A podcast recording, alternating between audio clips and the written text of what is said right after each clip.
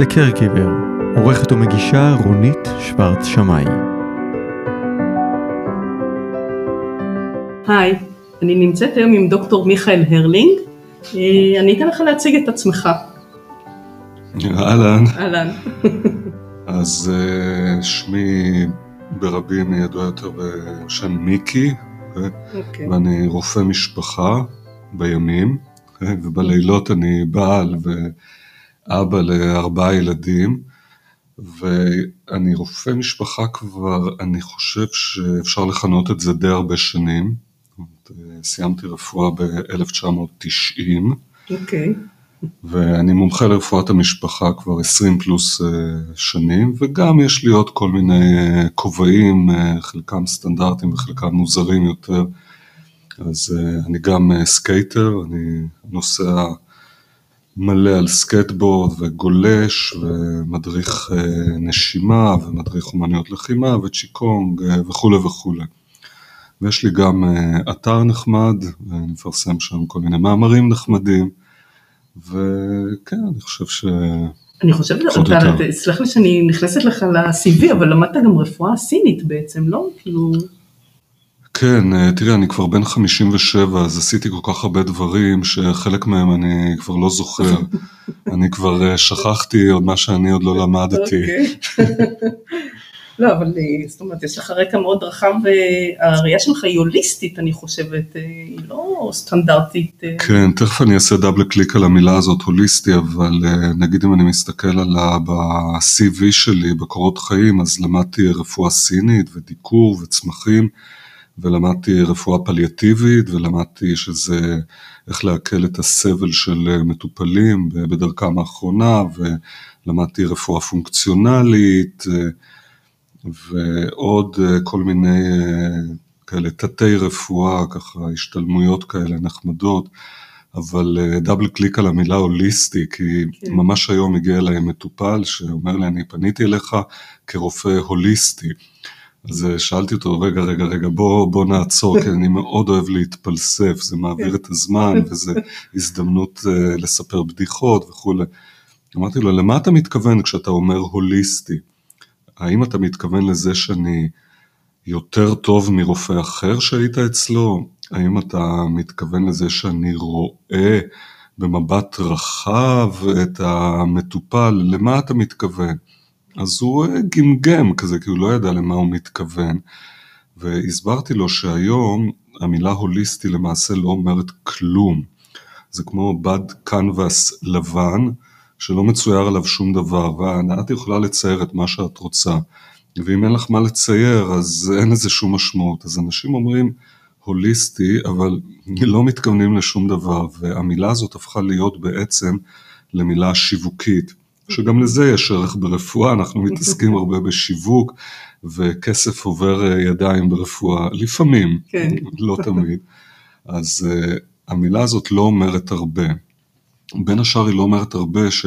כי אם אני למשל רואה את המטופל בצורה יותר רחבה, אז בניגוד לרופא הקודם שלו, או לרופא מקצועי אחר, אני שואל אותו יותר שאלות על המשפחה, על אורח החיים, אני אולי עושה יותר בדיקות, אני מתייחס ליותר מימדים מרופא אחר. האם אני הוליסטי? ממש לא, כי הוליסטי זה הכל, אוקיי? אז uh, אני אולי קצת יותר משוכלל, אבל אני בטח לא רואה הכל, זה כמו להשוות את, אה, איך שקוראים לו, ון לבנהוק, הבן אדם שהמציא את הטלסקופ הראשון, אז הוא הסתכל על השמיים דרך איזה טלסקופ כזה חובבני צר, והיום יש לנו את לא טלסקופ החלל החדש, שהוא בעצם, הוא עכשיו בחלל, אז הטלסקופ הזה רואה הרבה יותר מהטלסקופ הראשון, אבל עדיין הוא רואה חתיכה חס... כמעט חסרת חשיבות מהיקום. אז כמה שאני לא אראה על המטופל, אני עדיין רואה חלקיק קטן מאוד מהחיים שלו ומבין, בטח מבין בביולוגיה ובפיזיקה ובסוציולוגיה ובפסיכולוגיה ובכל התחומים האלה, אני, אני בטח לא מבין הרבה. אז כמה שאני לא ארצה להיות הוליסטי, אני לא אצליח לראות הכל אף פעם. אבל, אבל, אוקיי. אבל, אה, יש אה, לגישה הזאת של לנסות לתפוס כמה שיותר מימדים של המטופל, ולנסות להכיר אותו כמה שיותר טוב, יש לה כמה יתרונות בעיניי, לא בעיני הרפואה המערבית, אוקיי? או אפילו רפואה אה, אחרת, נגיד רפואה סינית. בתור רופא סיני או בתור אחד שהלך לרפואה סינית, רופא סיני אה, יכול לדבר איתך שתי דקות, לבדוק לך את הדופק ומיד אה, לשים מחטים ולבנות איזה פורמולה של צמחים. הוא לא צריך את, אה, את כל ההוליסטיקה הזאת מסביב, כי הוא יודע בדיוק מה הוא צריך לעשות, הוא בודק את הבדיקה הזאת ונותן את הטיפול הזה. אבל בשבילי ההוליזם, דבר ראשון משיג יתרון מוחץ, זה שהמטופל מרגיש שאני מתעניין בו, ואני מכיר אותו יותר ויותר טוב, וזה פותח את הדלת ליצירה, מה שהפסיכולוגים קוראים לו רפור. וסיפרת לי לפני שהתחלנו את, ה, את הפודקאסט שאת אה, לומדת צרפתית, אז בצרפתית יש איזה קטע כזה שבערך עשר האותיות האחרונות במילה לא שומעים אותם. נכון, נכון. למשל רנו, אבל יש נכון. עוד A-U-L-T ולא נכון. שומעים אותם. אז רפור, רפור, יש שם עוד איזה עשרים מילים בסוף, זה מהמילה רפורט, שזה יצירת קשר ממש טוב עם המטופל. זה, זה משהו שקשה להגדיר אותו, אבל מרגישים אותו, שפשוט פתאום יש איזה חיבור כזה, כן. הערוצים נפתחים, והמטופל מרגיש בנוח, וגם אני מרגיש בנוח, ויש קשר בין שני בני אדם. עכשיו, לכאורה ברפואה, ואני מסכים עם זה לגמרי, מי צריך את הקשר הזה? כן. אני מגיע למנתח, הוא צריך uh, לפתור לי את הקי להרניה שיש לי, את הבקע המפסעתי. מה אכפת לי הקשר האנושי עם הכירורג? כן. אני רוצה שהידיים שלו לא ירעדו והוא יזיז את הסכין בדיוק מרבי. אז בכירורגיה מה אכפת לי הרפו? בנגיד רפואת עיניים. אז רופא העיניים מסתכל לי בעיניים, אבל הוא ממש מסתכל לי בעיניים, כן. זה לא, והוא ממש בגובה העיניים שלי, אבל אין שום רפורט, כן. אין שום קשר אנושי בינינו, אני לא מכיר אותו, הוא לא מכיר אותי, אין את המרחב הזה האנושי, ולא צריך אותו גם.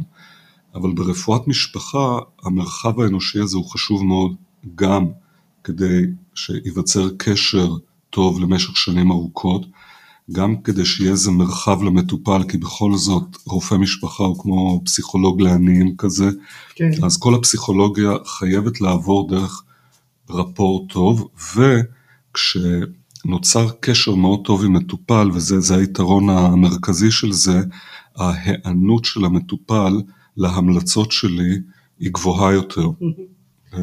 אז בגלל זה הרפור הזה הוא חשוב.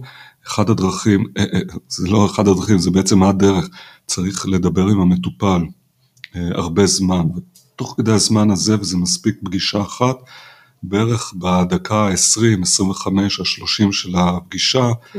עוד קצת בדיחות, מחייכים, ואני מכיר אותו יותר ויותר טוב. רגע, והקשר הזה, אחד הדברים שאתה מאוד מעודד, בוא נאמר, אם לא מטיף לו, זה הנושא הזה של אה, בעצם רפואה מניעתית סוג של, כאילו על ידי אה, התעמלות, על ידי אה, מזון, דברים שכאלה. אז אתה למשל הרבה מתעסק בנושא של פעילות גופנית.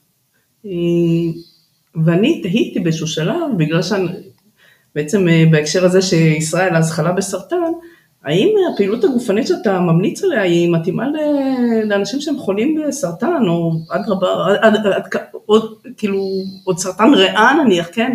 תרגילי נשימה וכל מיני קפיצות וכל מיני, כאילו, עזוב אותי, חולה סרטן, בקושי זז, כאילו, מה? אז אוקיי, שאלה מצוינת.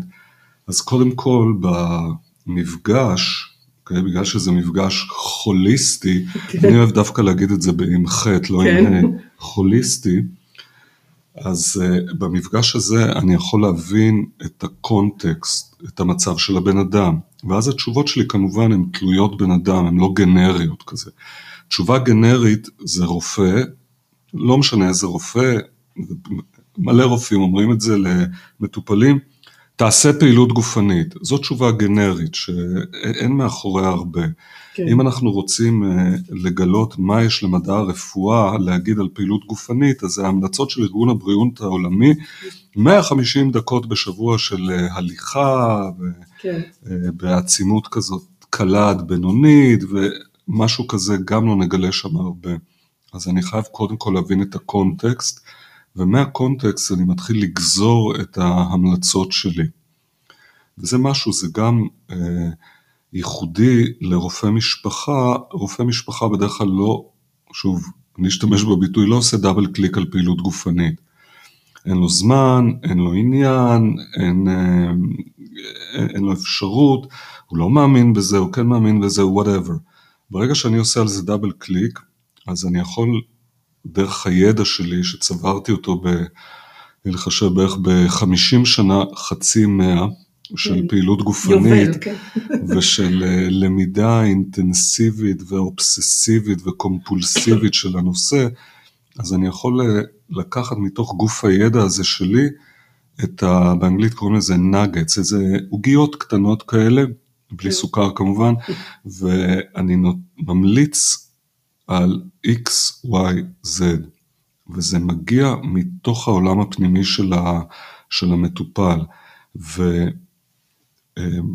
ולהתאים פעילות גופנית למחלה מסוימת, או איך למנוע מחלה מסוימת, זה משהו שהוא יוצא לגמרי מהשדה של המחקר המדעי, שמבוסס אה, בדרך כלל על תרופות ועל מחקרים ענקיים וניסיון מצטבר, יוצא מה, מהשדה הזה ונכנס לשדה שהוא פחות נחקר, הוא פחות רפואי, אני פחות רופא שם, כזה, מה זה רופא? רופא זה לוקח היסטוריה רפואית, כן. עושה בדיקה גופנית, שולח לבדיקות עזר ורושם טיפול, אוקיי? כן. זה האלגוריתם של הרופא, כן. וכל צעד באלגוריתם הזה מבוסס על שנים של ניסיון ועל מחקרים, וכל רופא בעולם כמעט, את תבואי עם דלקת גרון, ייקח אנמנזה, יבדוק כן. לך את הגרון, ישלח uh, משטח גרון, תשובה לסטרפטוקוק, ייתן לך פניצילין. בפקיסטן, בניו זילנד, באיי הבתולה. אוקיי. מה שאני עושה זה כבר יציאה מהאלגוריתם, ואני אוהב את זה כי זה מוסיף לי עניין. ואני יוצא ואני שם על הראש שלי לא את הכובע של רופא, אלא כובע של מדען חובב. עכשיו, אני מאוד אוהב מדע, ואני בכיף הייתי הופך להיות מדען, אבל מדען מקצוען צריך מסגרת אקדמית, צריך מעבדה, צריך תקציבים, או כמה ברור. תקציבים, כן. צריך עמיתים, צריך לפרסם מחקרים, ואם אני רוצה להיות מדען ברפואה, אז כדי להמציא משהו חדש ברפואה ולקחת את זה מהמעבדה על תרבית תאים עד שזה מגיע לתרופה אצל בן אדם, זה משהו נדיר ביותר, זה תהליך של עשר שנים, מיליארד דולר, לא בשבילי, אוקיי. אבל אוקיי, אז יבוא מטופל ויגיד, אוקיי, אבל למה אני מגיע למדען חובב, איזה עניין יש לי עם כן. מדען חובב? אז בין השאר, פשוט אין תשובות לשאלות שאני שואל במדע. ואז אני עושה את המחקר שלי, אבל זה לא על עכברים וזה לא מחקר קליני שעולה מיליוני דולר, אלא אני אוסף מידע וגם מתנסה וחוקר את זה על מטופלים שלי, ומגיע למסקנות, ומיד אני מסוגל להמליץ על המסקנות האלה. וזה תחת הכותרת של קודם כל לא להזיק, כן. כי מדען חובב יכול אבל- להגיע לכל מיני מסקנות. הרפואה פעם לא הסתמכה על מחקרים קליניים double blind placebo control, ואז קיבלת שיטות טיפול כמו כספית, ככה היו מטפלים במחלות מין, נגיד כן. העגבת וכל מיני. היו מזריקים לשם כספית. כן. אוקיי? מה שלא הורג אותך מחשל אותך, ואם לא תמות מהעגבת, לפחות תמות מהכספית, שתמות ממשהו כבר. או הקזת דם. אוקיי? או עלוקות, אוקיי? שזה טיפול שדרך אגב חוזרים אליו היום ויש עלוקות בכל מחלקה לכירורגיה פלסטית. אבל המדען, הקוב הזה של המדען החובב מקצר לי את הזמן של המחקר ומאפשר לי מיד להמליץ על דרכי פעולה, שהתנאי העיקרי והראשון לדרכי הפעולה האלה, שלא יהיו לזה שום תופעות לוואי. כן. דבר ראשון. דבר שני, שזה מה שמעניין מטופל, שזה יהיה אפקטיבי, שיהיה לזה יעילות. וברפואה יש תמיד מתח בין תופעות לוואי מצד אחד ליעילות מצד שני. ודבר שלישי שמעניין אותי, שאני לא, אני לא יודע איך להגדיר את זה בדיוק, או אני לא יודע להבין למה זה מעניין אותי, אבל כרופא משפחה זה סופר מעניין אותי, זה מה שנקרא יכולת הניבוי. האם כשאני רושם המלצה או טיפול, אני יכול לנבא, קוראים לזה בסטטיסטיקה, קוראים לזה predictability. כן. האם אני יכול לנבא כמה הטיפול הזה יצליח? Mm-hmm. עכשיו, ברפואה קלאסית, יכולת הניבוי שלי היא על הפנים, בטח כשמדובר על מטופל בודד. אז זו דוגמה שנתתי כן. לאותו מטופל שהגיע אליי על הכובע של הרופא החוליסטי. כן. אמרתי לו, למשל, אתה סובל מדיכאון, אז אני אתן לך תרופה נוגדת דיכאון, איזה SSRI, פרוזק, פריזמה, אה, לוסטרל, אצטרה. כן. מה יכולת הניבוי שלי, האם התרופה תעזור לך? לא יודע, אוקיי, או שהיא תעזור או שהיא לא תעזור, זה כמו 50-50. כן. אם אני מסתכל בסדרות בספרות, זה עוד פחות מ-50-50, אוקיי. זה 30-70. אוקיי.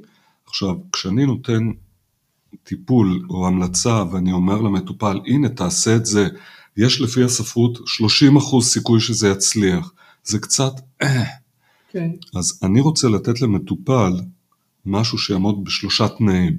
אחד, זה אפס תופעות לוואי, שתיים, זה יעיל, ושלוש, עם יכולת ניבוי של קרוב ל-100% שזה יעבוד, אוקיי. אוקיי? כן. עכשיו, יש עוד קריטריון, כשמישהו מגיע אליי, זה אה, קריטריון שנקרא, באנגלית זה נקרא low hanging fruit. ההמלצה שלי, או הכלי שאני ממליץ עליו, או הטיפול, זה חייב להיות פרי שתלוי נמוך. זה אומר שזה קל לעשות, שזה פשוט, שזה זמין, כן. ומאוד חשוב שזה זול, okay? אוקיי? ובסופו של דבר זה גם יעיל. אז יש לזה ראשי תיבות, שכמדען חובב אני המצאתי את ראשי התיבות האלה, פטנט. ויש לי עליהם פטנט, אז זה נקרא קווקז Z. אוקיי. קל, פשוט, קצר, זמין, זול ויעיל. אוקיי. אז uh, ההמלצה שלי חייבת לעמוד uh, בתנאים האלה. עכשיו, את אומרת, יעיל, ההמלצות שלי הן יעילות, אבל זה המלצות של רופא משפחה. אלה המלצות צנועות. יש פער מאוד גדול בין ההמלצות שלי כרופא משפחה להמלצות למשל של אונקולוג או כירורג. אונקולוגים, כירורגים בבית חולים וכמובן אנלוגיה צבאית זה סיירת מטכ"ל, זה שלדג, זה היחידה המיוחדת הזאת שהאנשים שלהם מאומנים, יש לה את אמצעי הלחימה הכי משוכללים, אמצעי אוקיי. ראיית לילה, ראיית כן. יום, ראיית אחר הצהריים, כן. ראייה לאחור, ראייה לקדימה, כן. למטה, הם שולחים קרניים, תחשבי על הקרנות בבית חולים. איזה טכנולוגיה מטורפת, כל מיני גלי רדיו וגלי רנטגן ותדרים כאלה כן. ומכונות ו-MRI, זה? וואו, לא, אין שום אבל, אוקיי. וההתערבות של סיירת מטכ"ל זה התערבות שמשנה את חוקי המשחק, זה מה שנקרא Game Changer. ברגע שסיירת מטכ"ל תצליח לשחרר את כל החטופים באיזה מבצע מדהים, זה Game Changer. אני בצבא או בבית חולים, אני רופא משפחה, אני מכיר בערכי, אני צנוע, הדברים שאני אמליץ עליהם אלה לא התערבויות שהן Game Changer. הלכתי לרופא והוא המליץ לי על איזה תרגיל לפעילות גופנית וזה היה החיים שלי לפני והחיים שלי אחרי. כן. זה לא ברמה הזאת. אני בצבא יותר כמו אה, פקיד או, ש, או מישהו ששייך לחיל האספקה, לחיל לוגיסטיקה. זאת אומרת, יש את החייל המאומן בסיירת מטכ"ל עם האמל"ח שלו, כן. אבל יש לו מדים, מישהו צריך לספק לו את המדים. מישהו צריך... טקטים. מישהו צריך, מישהו צריך ל, ל, ל, לתחזק את החשמל בבסיס, כן. מישהו צריך לקנות את המחשבים, מישהו צריך לסדר את הלוגיסטיקה הזאת. הלוגיסטיקה זה דברים קטנים, אפורים, וכשהם מצטברים ביחד, הם מאפשרים את הסיירת מטכ"ל. אז. ההמלצות שלי הן קטנות, הן יעילות, אבל הן יעילות קצת, אוקיי? זה לא Game Changer. בין אם המטופל יעשה את זה או לא יעשה, סביר להניח שהחיים שלו יראו אותו דבר. אבל יש אסטרטגיה. Okay. אוקיי. זה למדתי, למדתי סוף סוף בחודש האחרון את ההבדל בין אסטרטגיה לטקטיקה. אה, אוקיי. כן. מזל טוב. אה, אז אה, האסטרטגיה היא יותר אסטרטגיה של חיל רגלים, אוקיי? אסטרטגיה שאומרת, תעשה את זה, זה יעזור לך קצת, וגם את זה, וגם את זה, וגם את זה, וגם את זה, אז אני מגיע עם שלל של המלצות, נגיד אנשים יוצאים ממני עם חמש, שש, שבע המלצות, אבל כל ההמלצות האלה זה פירות שתלויים נמוך. כגון? אפשר להתחיל אותם ממש מעכשיו. כגון? Okay? אוקיי? אז זה יכול להיות איזה תוסף, וזה יכול להיות איזה תרגיל, אוקיי? Okay? או איזה שינוי קטן באורח החיים. ואיך אני יודע לתת את ההמלצות האלה? כי אני, אני חושב זה גם עוד בדיקה, בדיקת עזר שאני המצאתי. כן. אין את הבדיקה הזאת, אה, אני חושב, עוד לא הגשתי את המסמכים לפטנט וזה כי הגשת מסמכים זה לא פרי שתלוי נמוך, אז זה לא זול וזה לא זמין. זה. הבדיקה שאני עושה, אוקיי, ושהמצאתי, היא נקראת הרגלוגרם. זאת אומרת, אני יושב עם המטופל ואני מנתח וממפה את ההרגלים שלו היומיים מהרגע שהוא קם בבוקר עד הרגע שהוא הולך לישון. אתה קם בבוקר, מה אתה עושה? שותה כוס קפה. אה, מה אתה עושה אחרי זה? שותה, מה ההרגלים היומיים? אתה עושה פעילות גופנית, איזה פעילות גופנית, איפה אתה עושה? זה כמובן משהו שדורש הרבה זמן, okay. זה דורש חמש, עשר דקות, ואז ברגע שיש לי את המיפוי הזה, ההמלצה שלי היא, אוקיי, בהרגל הזה, תעשה לו איזה tweak קטן, תשנה אותו קצת. Mm-hmm. אתה, לפני שאתה מתחיל לעשות את הפעילות הגופנית, תקדיש חצי דקה לזה. שינויים קטנטנים על גבול הקוסמטיים, אבל כשבאים הרבה שינויים כאלה ביחד, זה מזיז את ה trajectory, את המסלול של החיים, כי זה מצטבר יום אחרי יום אחרי, כן. יום אחרי יום אחרי יום. אז למשל, דוגמה, דוגמה שמקושרת לסרטן. אוקיי. אז אחד מהתרגילים בשיטת פעילות גופנית שפיתחתי זה להימתח. ממתח או מענף, פשוט mm-hmm. לתפוס עם שתי הידיים, מתח ולהתעלות. ולהתעלות ולהימתח. באנגלית זה שם לא כל כך שיווקי, זה נקרא dead hang. אוקיי. אוקיי, התלייה של ההרוג, אוקיי? Okay. כן. שלא ברור אם התלייה הורגת או שאת הגופה כבר תולים, הקו הזמן לא ברור לי כל כך, אבל להימתח כל יום. זה תרגיל שלוקח גג עשר שניות. אפשר לעשות אותו כמה פעמים ביום, אז זה השקעה איומית של בין חמש שניות לשלושים שניות. ולמה היא כל כך חשובה בהקשר של חולי סרטן כבר? אוקיק, אז, אז קודם כל רק, תשימי לב, האם זה עומד בתנאים. זה כן. קל, זה פשוט, זה זמין וזה זול, נכון? נכון? צריך לקנות מתח פעם אחת בחיים, להתקין אותו בבית או למצוא ליד הבית איזה מין מתקן, איזה מתח או איזה ענף. אז זה עומד בתנאי הזה, זה פרי שתלוי נמוך. Okay. אוקיי. האם יש תופעות לוואי להתעלות על מתח? לא, לא, נכון. אה, מה יכול לקרות? כן. זה קרה פעם אחת למטופל אחד, הוא נתלה על איזה מסגרת של שער ונפל עם המסגרת על הגב שלו. אוקיי. אז לכן היום כשאני ממליץ על מתח, אני, רוב השיחה היא כמה זה חשוב לאבטח את המתח, שלא לא ליפול עם המתח. אז נמתחים, וכל אחד יכול להימתח, זה עוד איזה מין מיני קריטריון כזה, מיני תנאי, שהמלצה שלי, אני אוכל להמליץ לכל אחד, לא משנה באיזה גיל הוא ובאיזה מצב בריאותי.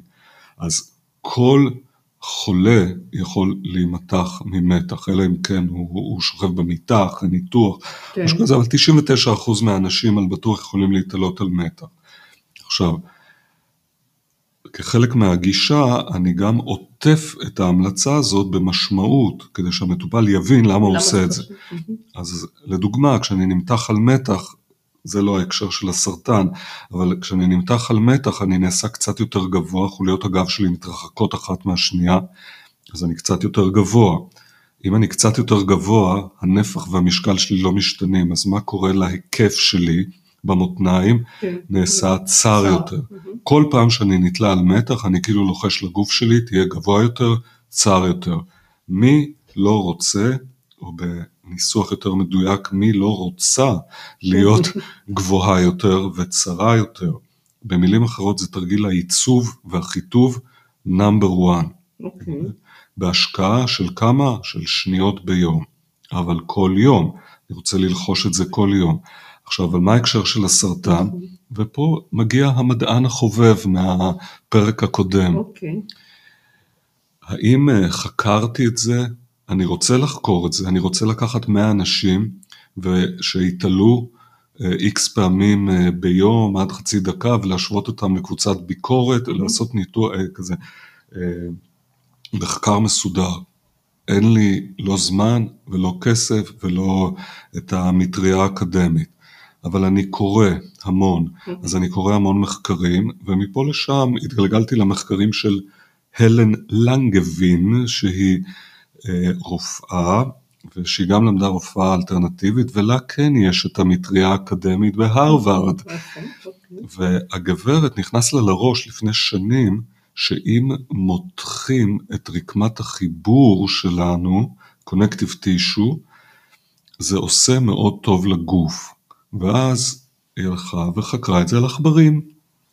אז היא לקחה קבוצות של עכברים, ומסתבר שהעכברים הם בעניין. אם הלבורנט לוקח את העכבר. ועכשיו רק שתביני, זה עכברי מעבדה, כן. אז הם חצי קלאץ', זה לא עכבר כן. השדה, כן. זה עכבר הכפר, זה, כן. זה עכבר העיר כזה, מפונק, בקושי זז, לא בורח, הם לא בורחים אה, מה, אוקיי. מהחוקרים. אז החוקר תופס את העכבר, מקרב אותו לדופן של הכלוב, והעכבר נתפס עם הרגליים הקדמיות שלו לדופן של הכלוב, ואז החוקר מרחיק את הגוף שלו, ו-. ואז הוא מותח אותו, אוקיי. ומסתבר שהעכבר הוא בעניין. אז היא לקחה עכברים ומתחה אותם עשר דקות ביום. וואו. ואז, כמו שקורה במחקרים, היא אה, הרגה אותם, איבדה איבדה חלק מהמטופלים. כן? הרדימה אותם, או אני לא יודע, יש לזה איזה ביטוי יותר כזה פוליטיקלי קורקט, והיא ראתה שכשמותחים אותם, הם מפרישים כל מיני חומרים אנטי-דלקתיים. והשלב הבא במה שהיא עשתה, היא הזריקה לעכברים, וזה מחקר די מפורסם, זה פורסם באחד הז'ורנלים שמסונפים ל-Nature, אה, היא החזריקה לעכברים האלה גידולים סרטניים מתחת לאור, מתחה אותם כל יום, ואחרי חודש רוב העכברים האלה, הגידולים הסרטניים שלהם התאדו, וואלה. בלי שום טיפול אחר. וואו. עכשיו, אבל רגע, סליחה, להזריק סרטן, אולי זה שונה, זאת אומרת, יכול להיות שהניסוי הזה הוא לא... לא ברור, כאילו, כי בני אדם, אוקיי, מזל שאת יושבת, הם לא עכברים. כן, למרות שמבחינת ההתנהגות, אני לא יודע כמה הם אה, שונים, אבל בני אדם הם לא עכברים. בגלל זה 90 פלוס אחוז מהניסויים שעובדים על עכברים, לא עובדים על בני אדם. and vice versa גם, אבל את זה לא בודקים. אז אה, זה נכון, אבל בגלל שאני מדען חובב, אז אני אומר, רגע, לא? אני, אני מותח בני אדם, גם אם טעיתי, גם אם אני אידיוט גמור, מי אתה בכלל? איזה מדען חובב, איזה רופא משפחה, תמשיך לרשום את האקמולים שלך, מה אתה נותן, אה, מה אתה מכנה את עצמך מדען? זה לא עומד בשום סטנדרט מדעי, צודקים במאה אחוז. יחד עם זאת, שני טיעונים. דבר ראשון, כמעט כל מה שאת עושה במהלך היום לא נחקר ועומד בסטנדרט מדעי. אוקיי? נכון. אי אי אפשר לחיות את החיים לפי סטנדרט מדעי, אבל אם אני כרופא ממליץ על משהו, חייב לעמוד בסטנדרט מדעי. לא עומד בסטנדרט מדעי, אבל אינטואיטיבית יכול להיות שאם בעתיד יעשו כזה ניסוי, זה יהיה, יהיו תוצאות מדהימות. אז אני ממליץ, וזה כן המלצה גנרית, אלא אם כן המטופל עבר איזה ניתוח בכתף, או מסיבות אחרות, להתעלות כל יום כמה שניות. האם זאת הדרך האולטימטיבית למניעת סרטן? לא. אבל כשאני נתלה, יש לזה כל כך הרבה יתרונות, ואולי בעתיד במורד הזרם היתרונות האלה יוכחו, ואל תשכחי שאני נותן את ההמלצה הזאת אחרי שנבנה הרפור הזה, אני בקשר ממש טוב עם המטופל, או זה מטופל שמכיר אותי מאוד מאוד טוב, אז הוא פתוח למה שאני אומר. אז אני זורק לו את זה, ואני לא רק זורק לו את זה, אלא אני דואג שהסוכריה הזאת, הדיאטטית שנתתי לו, כן. הוא יפתח אותה, וגם אנחנו ממשיכים לדבר על מתי אתה תתעלה, מתי אתה תמתח את עצמך, בוא נדבר על זה, תדמיין, מתי זה יקרה, זה צריך להפוך להיות הרגל קבוע. אז בוא נראה, אולי נצמיד את זה כבר להרגל קבוע שאתה עושה, אולי לפני שאתה שותה קפה בבוקר, אחרי שאתה שותה קפה, ממשיך איתו, ואחרי זה גם בפגישה הבאה, שהיא בדרך כלל על משהו אחר לגמרי, אני שואל אותו אם עשית את זה או לא. אז זה מטופל בריא שרוצה למנוע סרטן, אבל אז יש את המטופל שיש לו כבר סרטן, והוא עכשיו, גרורתי, הוא לפני הטיפולים, והוא נמצא בפוזיציה מאוד מאוד גרועה. זה פוזיציה שאין אנרגיה, אין כוח, אין אה, רצון, ואם זה בן אדם שלפני הסרטן לא עשה שום פעילות גופנית, הסיכוי שעכשיו פתאום תהיה לו התגלות בזמן הכימותרפיה, הסיכוי הזה הוא אפס. כן. אז עם אנשים כאלה, הבנייה הזאת של הקשר זה 99% מהעבודה. ההמלצה עצמה היא כמעט חסרת ערך. אוקיי? כשרופא אומר, אתה חייב לעשות פעילות גופנית, אוקיי? זה משפט ריק. למרות שהוא חשוב מאוד, אבל הוא ריק. אז אם אני נגיד הייתי אה, מדבר עכשיו עם אונקולוגים, אז הייתי אומר להם, אל תדברו על זה עם המטופל, תשלחו אותו לפיזיותרפיסט, ליועץ לפעילות גופנית. יש כזה גוף במכבי, אוקיי? אוקיי. תעשה outsourcing לזה. מה, פיזיותרפיה שהיא... פיזיותרפיסט שתופר תוכנית למטופל. שהוא חולה אונקולוגי נניח? או, או? אונקולוגי, או עם, טרשת, או, אה, או, או עם. אה, בעיות אחרות, או שהוא אה, פשוט לא, הוא, הוא בן 80 ורוצה לעשות, להתחיל פעילות גופנית. כן. אז כדאי שאיזה מישהו ילווה אותו. עכשיו הליווי, זה כמו ליווי של דיאטנית, חלק מהתפקיד של הליווי זה לדאוג שהמטופל באמת עושה את זה. וכשאני מדבר עם למשל חולה אונקולוגי, ושוב אמרתי לך, התפקיד שלי זה לא לעשות לו איזה, לתת לו איזה המלצה שהיא Game Changer כזה, כן. זה לכבות או להתייחס לכל מיני נושאים קטנים, יומיומיים כאלה, שכל אחד מהם יש לו חשיבות קטנטנה, אבל כשהם באים ביחד כקבוצה, הם יכולים, במקרה של טיפולים למשל אונקולוגיים, אז זה שהבן אדם הזה נגיד יתעלה או יעשה איזה פעילות גופנית כזאת או אחרת, זה לא יהיה Game Changer, זה לא יהיה מה שיעביר לו את הסרטן נכון. וירפא אותו לנצח נכון. וימנע חזרה של הסרטן. אה, כל הדברים שאנחנו מצפים מהטיפול הזה של סיירת מטכ"ל, כן. אבל זה ברור לי ולכל אחד בלי לחקור את זה, אבל זה גם נחקר, אבל זה הקטע של המדען החובב. אני אינטואיטיבית, אני מבין שאם הבסיס של הבן אדם הוא טוב, אם הוא עוזר, נגיד מטאפורה אחרת זה הגינה. הסרטן זה צמח שותה בגינה, צריך לעקור אותו, לחפור אותו החוצה. אז בשביל זה אני מטפטף רעל על הצמח ואני חותך אותו כן. ואני נותן לו על הראש ואני מקרין אותו וזה. כן. ותוך כדי זה אני פוגע גם באדמה הבריאה ובצמחים הבריאים. אבל מעבר לעשב השוטה, אני צריך להמשיך להשקות את האדמה, אני צריך לדאוג לאדמה שהיא הלא סרטן. כי הסרטן הזה הוא לא משהו שצף לו בחלל. הוא בתוך גוף, הוא בתוך Infrastructure נפש, כן. הוא אה. רתום למטאבוליזם שלנו, כן. לפיזיולוגיה שלנו, ואם אני משפר, כמה שאני אשפר יותר את המטאבוליזם, כמה שאני אתמוך בו יותר, אז זה ברור שהמסע הזה, דרך הכימותרפיה, דרך ההקרנות, דרך הדיכאון, המסע הזה יהיה יותר טוב, יהיו פחות חורים בספינה, מהמם. הספינה תצוף קצת יותר גבוה, יהיה קצת יותר אנרגיה, זה יעלה את הסיכוי, וזה נחקר, שיהיו פחות תופעות לוואי מהכימותרפיה, זה יעלה כן. את הסיכוי שהכימותרפיה תעבוד קצת יותר טוב, זה מעלה את הסיכוי למנוע חזרה של ההישנות של, ה, של הסרטן. מהמם. עכשיו, צריך להבין שכשרופא מדגיש את החשיבות של משהו באורח החיים, הסיכוי שזה יעבוד אצל המטופל הוא נמוך מאוד. זה מה זאת אומרת, זה- יאמץ את זה? כן, כן, כי אלה דברים שבדרך כלל המטופל אה, יודע לפני, זה לא כן, סוד. כן, כולם יודעים שזה לא בריא לעשן. כן. יש מישהו שחושב שזה כן בריא? דרך אגב, זה קטע ממש נחמד בהיסטוריה של הסרטן. אני לא יודע, קראת את הספר של סידהרתה מוכרג'י, הסרטן מלכת כל המחלות? לא, את זה לא. זה, זה ספר מס, זה, זה תורגם לעברית, והוא מדבר שם המון על כל מיני אה, אירועים בהיסטוריה של אה, חקר, החקר והטיפול בסרטן. ספר מרתק.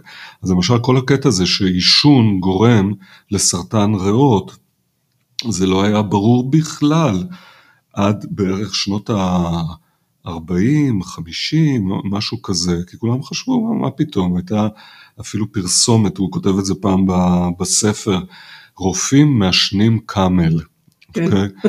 אז uh, כולם יודעים את זה, הקטע זה לא להגיד את זה למטופל, הקטע זה למצוא את הדרך לליבו של המטופל, ואת הדרך, הדרך הזאת, uh, למשל, AI, אינטליגנציה מלאכותית, לא יכולה לעשות, היא לא יכולה למצוא את הדרך, אה, אי אפשר. אה, ליצור רפורט אנושי, אנרגטי, את יודעת, כשאני יושב איתך פה ואנחנו במרחק של מטר בערך אחד מהשני, אנחנו- האינטראקציה שלנו זה לא רק של גלי אור, את רואה אותי ואני רואה אותך, זה גם של גלי קול, אז ויברציות של גלי קול עוברות, ואז את שומעת לא רק את התוכן שהוויברציות האלה נושאות, את שומעת גם את הטון של הדיבור כן. ואת העומק של אה, גלי הקול. כן, ועוד דברים עוברים, אוקיי? עוברים מול- מולקולות, אז אנחנו מריחים קצת, אבל מה עוד עובר? הידעת? הידעת? הלב שלך פועם, והלב זה שריר, אבל בתוך השריר הזה יש בוכטה של עצבים, כן, והעצבים האלה פועמים ומשחררים גלים חשמליים, אותם אנחנו מודדים ב-EKG. נכון. והגל החשמלי הזה לא נשאר בלב, מה. שקורה בלאס וגאס לא נשאר בלאס וגאס. הפעימה האלקטרומגנטית הזאת יוצאת. למטר וחצי קדימה. נכון. והיום יש טכנולוגיה שאני יכול למדוד, את, לאפיין, קוראים לזה, את הגל האלקטרומגנטי הזה, ולדעת לפי הגל הזה מה הרגשות שלך באותו רגע.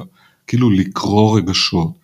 אין לזה כמובן איזה ערך אה, קליני מיוחד, אבל כן. זה רק להדגיש את זה שקשר בין שני אנשים הוא יכול להיות בהרבה רמות, וברמה הזאת של אני רוצה לתת עצה, ושהעצה הזאת תושחל פנימה ותקרום עור וגידים החל מהיום, החל ממחר, ולעטוף את העצה הזאת בכאלה שכבות של משמעות, ושהמטופל באמת יבין למה, ואיכשהו לארוז את כל הדבר הזה כדי שזה יקרה. בשביל זה אני צריך להכיר את המטופל ממש טוב, להיות אינטואיטיבי כזה, ל... ל... קצת קשה להגדיר את זה, אבל נגיד אני, אני מקבל המון נתונים דרך הגלי אור והגלי קול ושפת הגוף של כן. המטופל, וזה נכנס לתוך התת הכרה שלי, זה מתערבב שם, והאינטואיציה זה להוציא איזה ערימה של משפטים הנכון. בטון, בטון Mhm. הנכון ובניסוח הנכון, שהוא יבין כן. על מה אני מדבר, ובצורה הזאת הסיכוי שהוא יעשה את זה הוא יותר גדול. עכשיו אני חייב להבין מה היכולת של המטופל, כשאני מדבר על פעילות גופנית, מה נקודת המוצא? אם זה מישהו בן 85, שהוא עכשיו בטיפול אה, אונקולוגי וזה, ואין לו גרם אחד של אנרגיה, כן? ואין לו גרם אחד של רצון, כן, והדבר שהוא עשה מבחינה גופנית, הוא לא יכול לעשות את זה יותר. אוקיי? אוקיי. זה למשל היה בקורונה, מאוד כן. שכיח. פתאום החדר כושר סגור. כן, הבריכה, מישהו עשה קקי בבריכה, חייבים לסגור אותה עכשיו לחודש, כן. אוקיי? ואז הבן אדם הזה פתאום הוא עובר מפעילות גופנית לאפס, אפס. ממשהו שהוא מאוד אהב לעשות, עכשיו אין לו כלום. אז אני חייב לדבר איתו, להבין ולהתחיל עם השינוי הכי קטן הנסבל, וזה כמו מין משא ומתן כזה. אז כל שינוי שהמטופל יעשה, אנחנו מדברים עליו ומתאימים את המידה של הבגד למידה של המטופל. אבל רגע, יש לי שאלה. אה, אי אפשר לשכפל אותך. זאת אומרת, אתה מדבר על קשר אה, בין אישי בינך לבין הפציינט, אתה מוגבל מן הסתם בכמות הפציינטים שלך. אה, יש לך דרך אגב ספר מרתק, וגם כל הבלוג שלך שאני עוקבת, וגם אני עושה את התרגילים שלך, על כל מיני תרגילים וכולי, אבל מישהו שהוא לא מטופל שלך, מה הוא עושה? זאת אומרת, איך, איך, איך משכפלים את כל התרכובת המאוד מורכבת הזאת. אוקיי, כל, אז, באמת... אז אה, זה נקרא scaling, אוקיי? scaling, נכון. איך עושים scaling של הדבר הזה נכון. שהרבה אנשים ייהנו, ואני גם חשבתי על זה, ו... למזלי, אני הבן של אבא שלי, ולא של אבא אחר. ואבא שלי, היו לו הרבה, הרבה מעלות, אבל המעלה שלו זה שהוא היה super duper hyper צנוע, מה שנקרא נחבא על הכלים. אה, ואני, לצערי, לא ממש, אוקיי? כי גם אני רופא, אז רופאים בדרך כלל יש להם אגו טיפ טיפונת יותר נפוח. אוקיי, באנגלית קוראים לזה bloated, אוקיי, זה כמו נפיחות כזאת שמאותו שורש זה גם נפיחה. כן. אז, אז האגו שלי קצת, כן, קצת אה, נפוח ואני גם אה, כזה אתלט ועושה הרבה דברים, אז בכלל האגו מנופח, אבל זה מול עיניי, זה ממש הושכה לי בכל הילדות שלי וזה ממש ריתחו לי את זה למוח. צנוע, אני לא חושב במונחים האלה של האמריקאים. מונשוט, אני באתי לשנות את העולם, שיהיה מקום טוב יותר. זה כמו התשובות האלה של אה, בית כן. מלכת היופי. אה, הדרך שלי, התרגילים שלי, זה טיפה קטנה בים, זה איזה בליפ כזה. מי שבמקרה נמצא קרוב אליי יכול ליהנות קצת מהגלים האלה, מי שלא, לא. כדי לעשות לזה scaling, אני צריך לעשות לעצמי scaling. אני צריך להיות הרבה יותר מוכר, אני צריך לדבר יותר, רגע, ביותר אבל, פלטפורמות, אבל זה בלתי... כן, אבל גם אם כן, אוקיי, אז קראתי את הספר שלך, סבבה. אם אני עכשיו עם אה, סרטן גרורתי, לא יודעת, מורכב, איך אני יודעת, כאילו, ואני לא, זאת אומרת, אני לא במעגל שלך, איך אני אדע מה לעשות מתוך התרגילים האלה, מה מותר לי, מה אסור לי? אז א' כל, מראש אמרתי לך, התחלתי את זה, התרגילים האלה מראש, מראש הם מתאימים לכולם, בכל גיל ובכל מצב בריאותי, ויש להם אפס תופעות לוואי, זאת אומרת גם התרגילים הגופניים הם עומדים בקריטריונים האלה, mm-hmm. אלה תרגילים עם אחוז פציעה אפסי. Okay? אוקיי? אז גם אם את עושה משהו וזה לא בדיוק מתאים לך ולא בדיוק זה ולא מוצא חן בעינייך. כן, קפיצה למשל. כן, אז זה. זה היה ניסוי וטעייה ובניסוי וטעייה יצא שזה לא טוב לך. כן. Okay? אוקיי? אז בסדר, אז זה דרך שגם, זה דרך טבעית שכולם אה, נוהגים בניסוי וטעייה. עכשיו, בוא ניקח את אה, אותו מטופל בן 85 שעבר כימותרפיה והוא עכשיו במצב גופני ונפשי על הפנים כזה ואין לו כוח לעשות שום דבר והוא בקושי עובר מהמיטה לכורסה וקצת ירד מבחינה קוגניטיבית וכולי. מטופל כזה ברור לא יתחיל עכשיו 150 דקות בשבוע ללכת ברגל. נכון. או לא יחזור נגיד אם הוא שחה. ברגע שבגיל 85 מפסיקים את הדברים האלה, הדאון-היל, הירידה היא מאוד מאוד מהירה. אז עכשיו אני רוצה, לי, עכשיו אני, דוקטור הרלינג הגיע, הוא החליט uh, להגיע לדוקטור הרלינג. אז שוב, אני חוליסטי בהחלט, אז דבר ראשון, מטופלים כאלה זה הסביבה החברתית-משפחתית שלו. אם הוא לבד, עם מטפלת, שלא מבינה עברית או כן. משהו כזה, אין עם לדבר. לא, זה לא יעבוד. אבל אם הוא עם אישה ויש ילדים ויש איזו יכולת כלכלית מסוימת, אז אני יכול להגיד לו, אתה יודע מה, פעמיים בשבוע שיבוא מאמן כושר אליך. יש לי בשבילך מאמן כושר שמתמחה באנשים בגיל השלישי. זה עולה כסף. אבל אוקיי. יאללה, לך על זה. אז זה פתרון, וזה פתרון גם נחמד מבחינתי, כי זה חוסך לי את הזמן עכשיו להסביר לו איזה תרגילים לעשות. או, ו... כמו שאמרת, לפנות לפיזיותרפיסטים של הקופה. עכשיו, לפנות לפיזיותרפיסטים של הקופה, זה אומר לקבוע תור, לצאת מהבית וכולי. יכול להיות שזה ייפול על הדברים האלה. זה חייב להיות משהו במידה שלו, הכי קל, הכי פשוט, הכי פרי זמין, קטיף. ת- פרי שתלוי נמוך. כן, אוקיי? כן. אז עכשיו אין יכולת כלכלית, כן, אבל יש, אה, יש ילדים, יש אה, אה, אישה, אז אפשר בעדינות להתחיל קצת להזיז את הגוף. אוקיי? ואני, המינון, אוקיי, בתור רופאים, תמיד הקטע הזה של המינון, באונקולוגיה, זה קריטי. כן. יושבים על המינון של כימותרפיה, זה, זה נכון. אחד הדברים הכי חשובים. נכון. קצת יותר מדי יהרוג את המטופל, קצת פחות מדי זה לא יעזור לו, חייבים נכון. בדיוק למצוא את המינון. אז אני אתן למ- למטופל הזה מינון לפי מידותיו, ואני אדאג אבל שזה יהיה יום יומי, ואנשים יכולים ממש לצאת עם מרשם כזה, תעשה את התרגיל הזה בבוקר ואת התרגיל הזה בערב, ובוא אליי עוד שבועיים, אוקיי?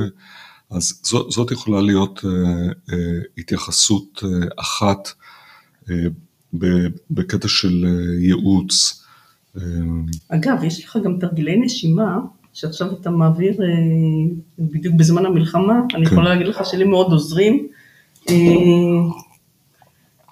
גם בתור אסתמטית אני חושבת שהם עוזרים לי, אבל באמת, זאת אומרת, נניח אתה צריך לעצור נשימה ל... לא יודעת, חצי דקה, כאילו, רבאק, מישהו עם סרטן בריאות, אה, הרגת אותו, לא? לא, אז נגיד לאנשים, לחולי סרטן, אה, אני לא, אני בכלל לא ממליץ להם על התרגילים האלה שהם אה, נשימות אינטנסיביות ועצירות נשימה, תרגילים שמאתגרים את הגוף ומכניסים את הגוף קצת לסטרס. אלה תרגילים מדהימים לאנשים שהם בריאים ב-100%. בן אדם שהוא לא בריא, הדבר האחרון שהוא צריך, גם בפעילות גופנית, הוא, הוא לא צריך עכשיו סטרס מהפעילות הגופנית, הוא כבר בסטרס. ואותו דבר אה, עכשיו אנשים נמצאים בסטרס מאוד גבוה, הם לא צריכים תרגילי נשימה שיוצרים להם סטרס. אז לאנשים כאלה אני הולך לתרגילי נשימה שמרגיעים. וזה משהו מאוד מאוד אה, פשוט, הוא רב ניואנסים, אבל בבסיס שלו הוא עומד בקריטריון של מאוד מאוד פשוט. כי כל מה שצריך לעשות כדי להירגע עם הנשימה זה לנשום לאט יותר, ושהוצאת האוויר, וזה לא חובה, אבל זה עושה את זה עוד יותר טוב, שהזמן שאני מוציא את האוויר יהיה ארוך יותר מהזמן שאני מכניס את האוויר, שואף פנימה. אז למשל, אה, סתם, אני עושה את זה איזה פעמיים שלוש ביום עם מטופלים. אז היום אה, מטופלת אחת מגיעה, היא מאוד בסטרס וכואב לה הגב וכולי, אני מסתכל על הנשימה שלה ואני סופר את הנשימה, כמו שרופא בודק את קצב הלב שלך, כן. את לחץ הדם, אני הרופא כנראה היחיד במזרח התיכון שבודק סופר? את קצב הנשימה. זה לוקח פחות זמן מלבדוק את הדופק כן, אפילו. לא צריך אני מסתכל על שלוש נשימות וסופר כמה זמן כל נשימה. יש לי את הרוחב פס לייצר את התרגיל הזה ולפתור אותו. כמו, אה, היא נושמת אה, בערך נשימה, לוקחת לה שלוש שניות פנימה החוצה, ואז המוח שלי ישר 20 נשימות לדקה. כן. עכשיו, אני אומר לה, אם את תנשמי בין 6 ל-10 נשימות בדקה, את תרגעי. עכשיו, את זוכרת מה אמרתי לך? יכולת ניבוי. אם בן אדם, אוקיי, ועכשיו אני הולך להגיד דברים כדורבנות, אני הולך להגיד את האמת המוחלטת. אוקיי. כשבן אדם מאט את הנשימה שלו, מערכת העצבים שלו נרגעת. בכמה אחוז מהמקרים? בדיוק במאה אחוז מהמקרים. מהמם. עכשיו תתארי לעצמך שמערכת העצבים זה היא על, אה, אני מתאר אותה כמו מחוג כזה, שהוא כזה באמצע, שיש אה, מצד אחד אה, שטח אדום כזה, שמערכת העצבים היא כזה סופר בהתקף חרדה ובבלבול נורא ובסטרס נוראי, ובצד השני זה ירוק, זה שהבן אדם נגיד ישן שינה עמוקה או ב- כן. עכשיו נמצא באיזה ריזורט, שותה איזה קוקטייל, מסתכל על השקיעה עם אהובתו, פשוט מרגיש מיליון דולר. רוב היום המחוג שלנו איכשהו באמצע, והוא זז קצת, כזה יש לו תנודות, קצת ימינה, קצת שמאלה. כשאני מאט את הנשימה שלי, המחוג הזה זז לכיוון הירוק. את זוכרת את השיטות שלי, זה לא Game Changer, הוא זז קצת לכיוון הירוק, אבל כן. יכולת הניבוי שלי היא 100%. אז כל מה שצריך לעשות, להאט את הנשימה, והדרך הכי טובה להאט את הנשימה, זה, אין מה לעשות, להיכנס ליוטיוב, לכתוב 6 breath per minute, 10 breaths per minute, ויש עשרות סרטונים לכל קצב נשימה שאת רוצה, ואז יש לך אה, בפעמון, פינג, לנשום פנימה, טונג, לנשום החוצה, וכל ה cycle הזה, עם חמש שניות פנימה, חמש שניות החוצה, עשר שניות כל הנשימה, שש נשימות לדקה. כן. ופה ו- אין, אין אלמנט שהוא stressful למישהו באמת שהוא חולה. נניח חולה נשימתי. הנשימה, אוטו. הנשימה הטבעית שלנו, וככה היא הייתה, check it out, זה קטע הזוי. מאמינה, כן. אה, לפני 100 שנה, 100 פלוס שנה, בספרי רפואה ישנים, כשמדדו את קצב הנשימה של אנשים, זה היה 10, 11, 12 נשימות לדקה. היום הקצב הממוצע זה בין 15 ל-20. כאילו כתרבות התחלנו לנשום יותר מהר, שזה די מתאים לקצב החיים. קצב נכון. החיים נעשה יותר מהיר. אנחנו מדברים יותר מהר, הנשימה היא יותר מהירה. אז אה, הנשימה הטבעית אמורה להיות עשר נשימות, תשע נשימות, אז האם חולה אונקולוגי ינשום נשימה טבעית, זה יזיק לו? אין מצב, אוקיי? במאה אחוז לא. כן. האם כשהוא יאט את הנשימה שלו זה ייטיב איתו? במאה אחוז כן, ובכל מיני מנגנונים. אז קודם כל, מה שנקרא להירגע, אוקיי? כן. חשוב כשבן אדם חולה, מתמודד, או כשאנחנו מתמודדים עם כל מיני דברים כאלה שקורים סביבנו, קצת להירגע, קצת להוריד סטרס, חשוב מאוד. זה גם תורם לתחושת הרווחה שלנו כן. ול-well-being ולמצב הרוח שלנו, אבל מצב הרוח שלנו הוא מתורגם לתאים שלנו. אמר את זה איזה מדען מאוד מפורסם, אה, לא חובב, ברוס ליפטון, הוא אמר, התאים שלנו מקשיבים למחשבות שלנו ושומעים אותם. אוקיי? אז ברגע שאני מווסת את כל הסיפור הזה, ואני אני קורא לזה להוריד הילוך, ועכשיו כמה דקות כל המערכת הזאת נוסעת לאט יותר, היא רגועה יותר, והמערכת העצבים של הרגיעה מופעלת.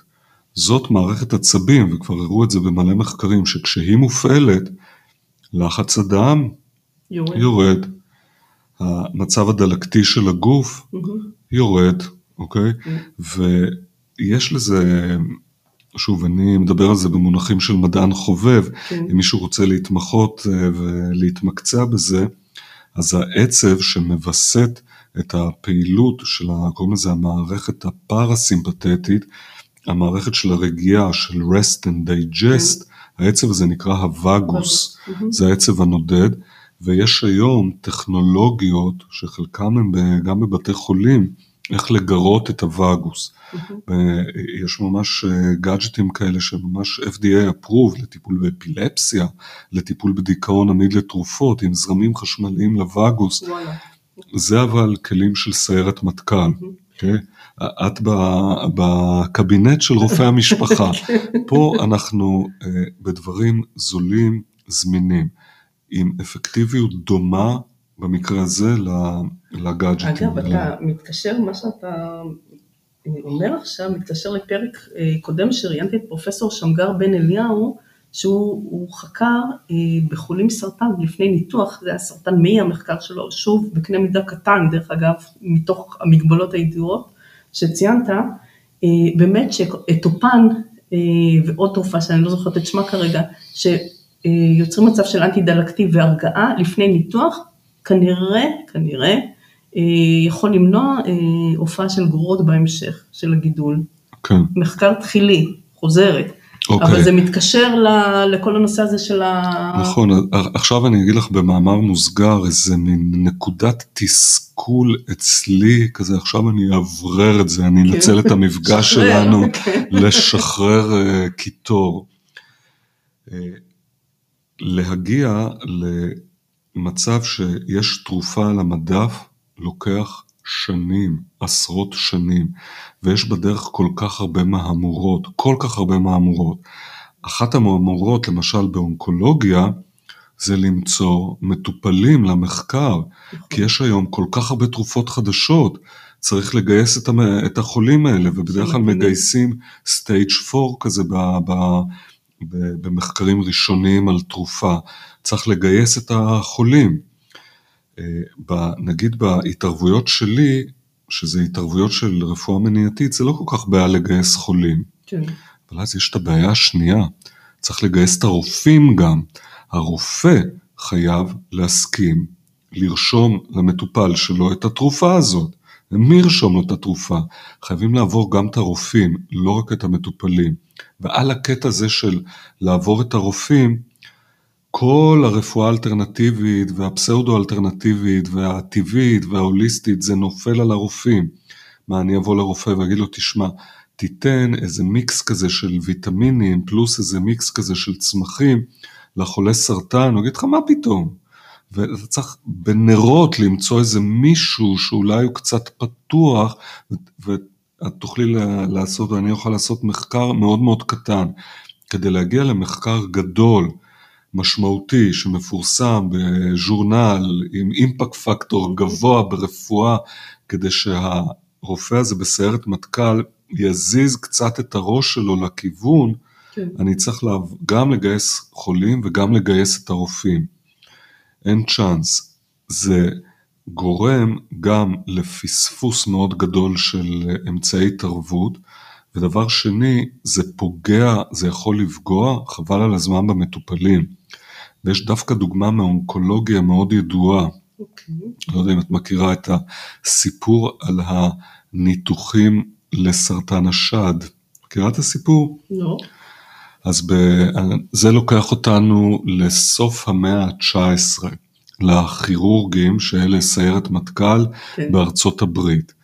אלה אנשים עם אגו, כמו קצין בסיירת מטכ"ל. כן. אוקיי, מה זה? זה השפיץ של השפיץ, כן. הבן אדם הכי מוכשר, אה, עם הכי הרבה יכולות.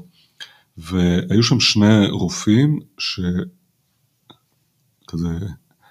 שיערו או כזה יצרו איזו היפותזה שהסרטן השד הוא מתפשט במין אה, אה, כמו אש כזאת במעגלים, יש שם גוש ולאט לאט הוא מתפשט בסד, הוא מתפשט לצדדים okay. אוקיי. בהיקף ואז הוא מגיע כזה ללימפה ודרך הלימפה הוא יוצא לשאר הגוף. Okay. אוקיי. אז מה כירורג עושה? חותך ולניתוח שהם המציאו קראו רדיקל מסטקטומי. מה זה רדיקל מסטקטומי? הוצאת את כל... מוציאים את, את רקמת השד, את כל הגוף, כן? את השריר, זה נקרא כן. פקטורליס שמתחת, אוקיי. וכזה כמו שמוציאים מן, אה, את השלדה קוראים לזה, או את השלדג, ופלופ, ושולקים, הידרה, כן. שולקים, שולקים כזה החוצה את כל, בלוטת, כל בלוטות הלימפה בבית כן, השחי. כן. פלאק מוציאים את זה. זה ניתוח נוראי, נוראי. זה גורם לעיוות נוראי, לכאבים נוראיים.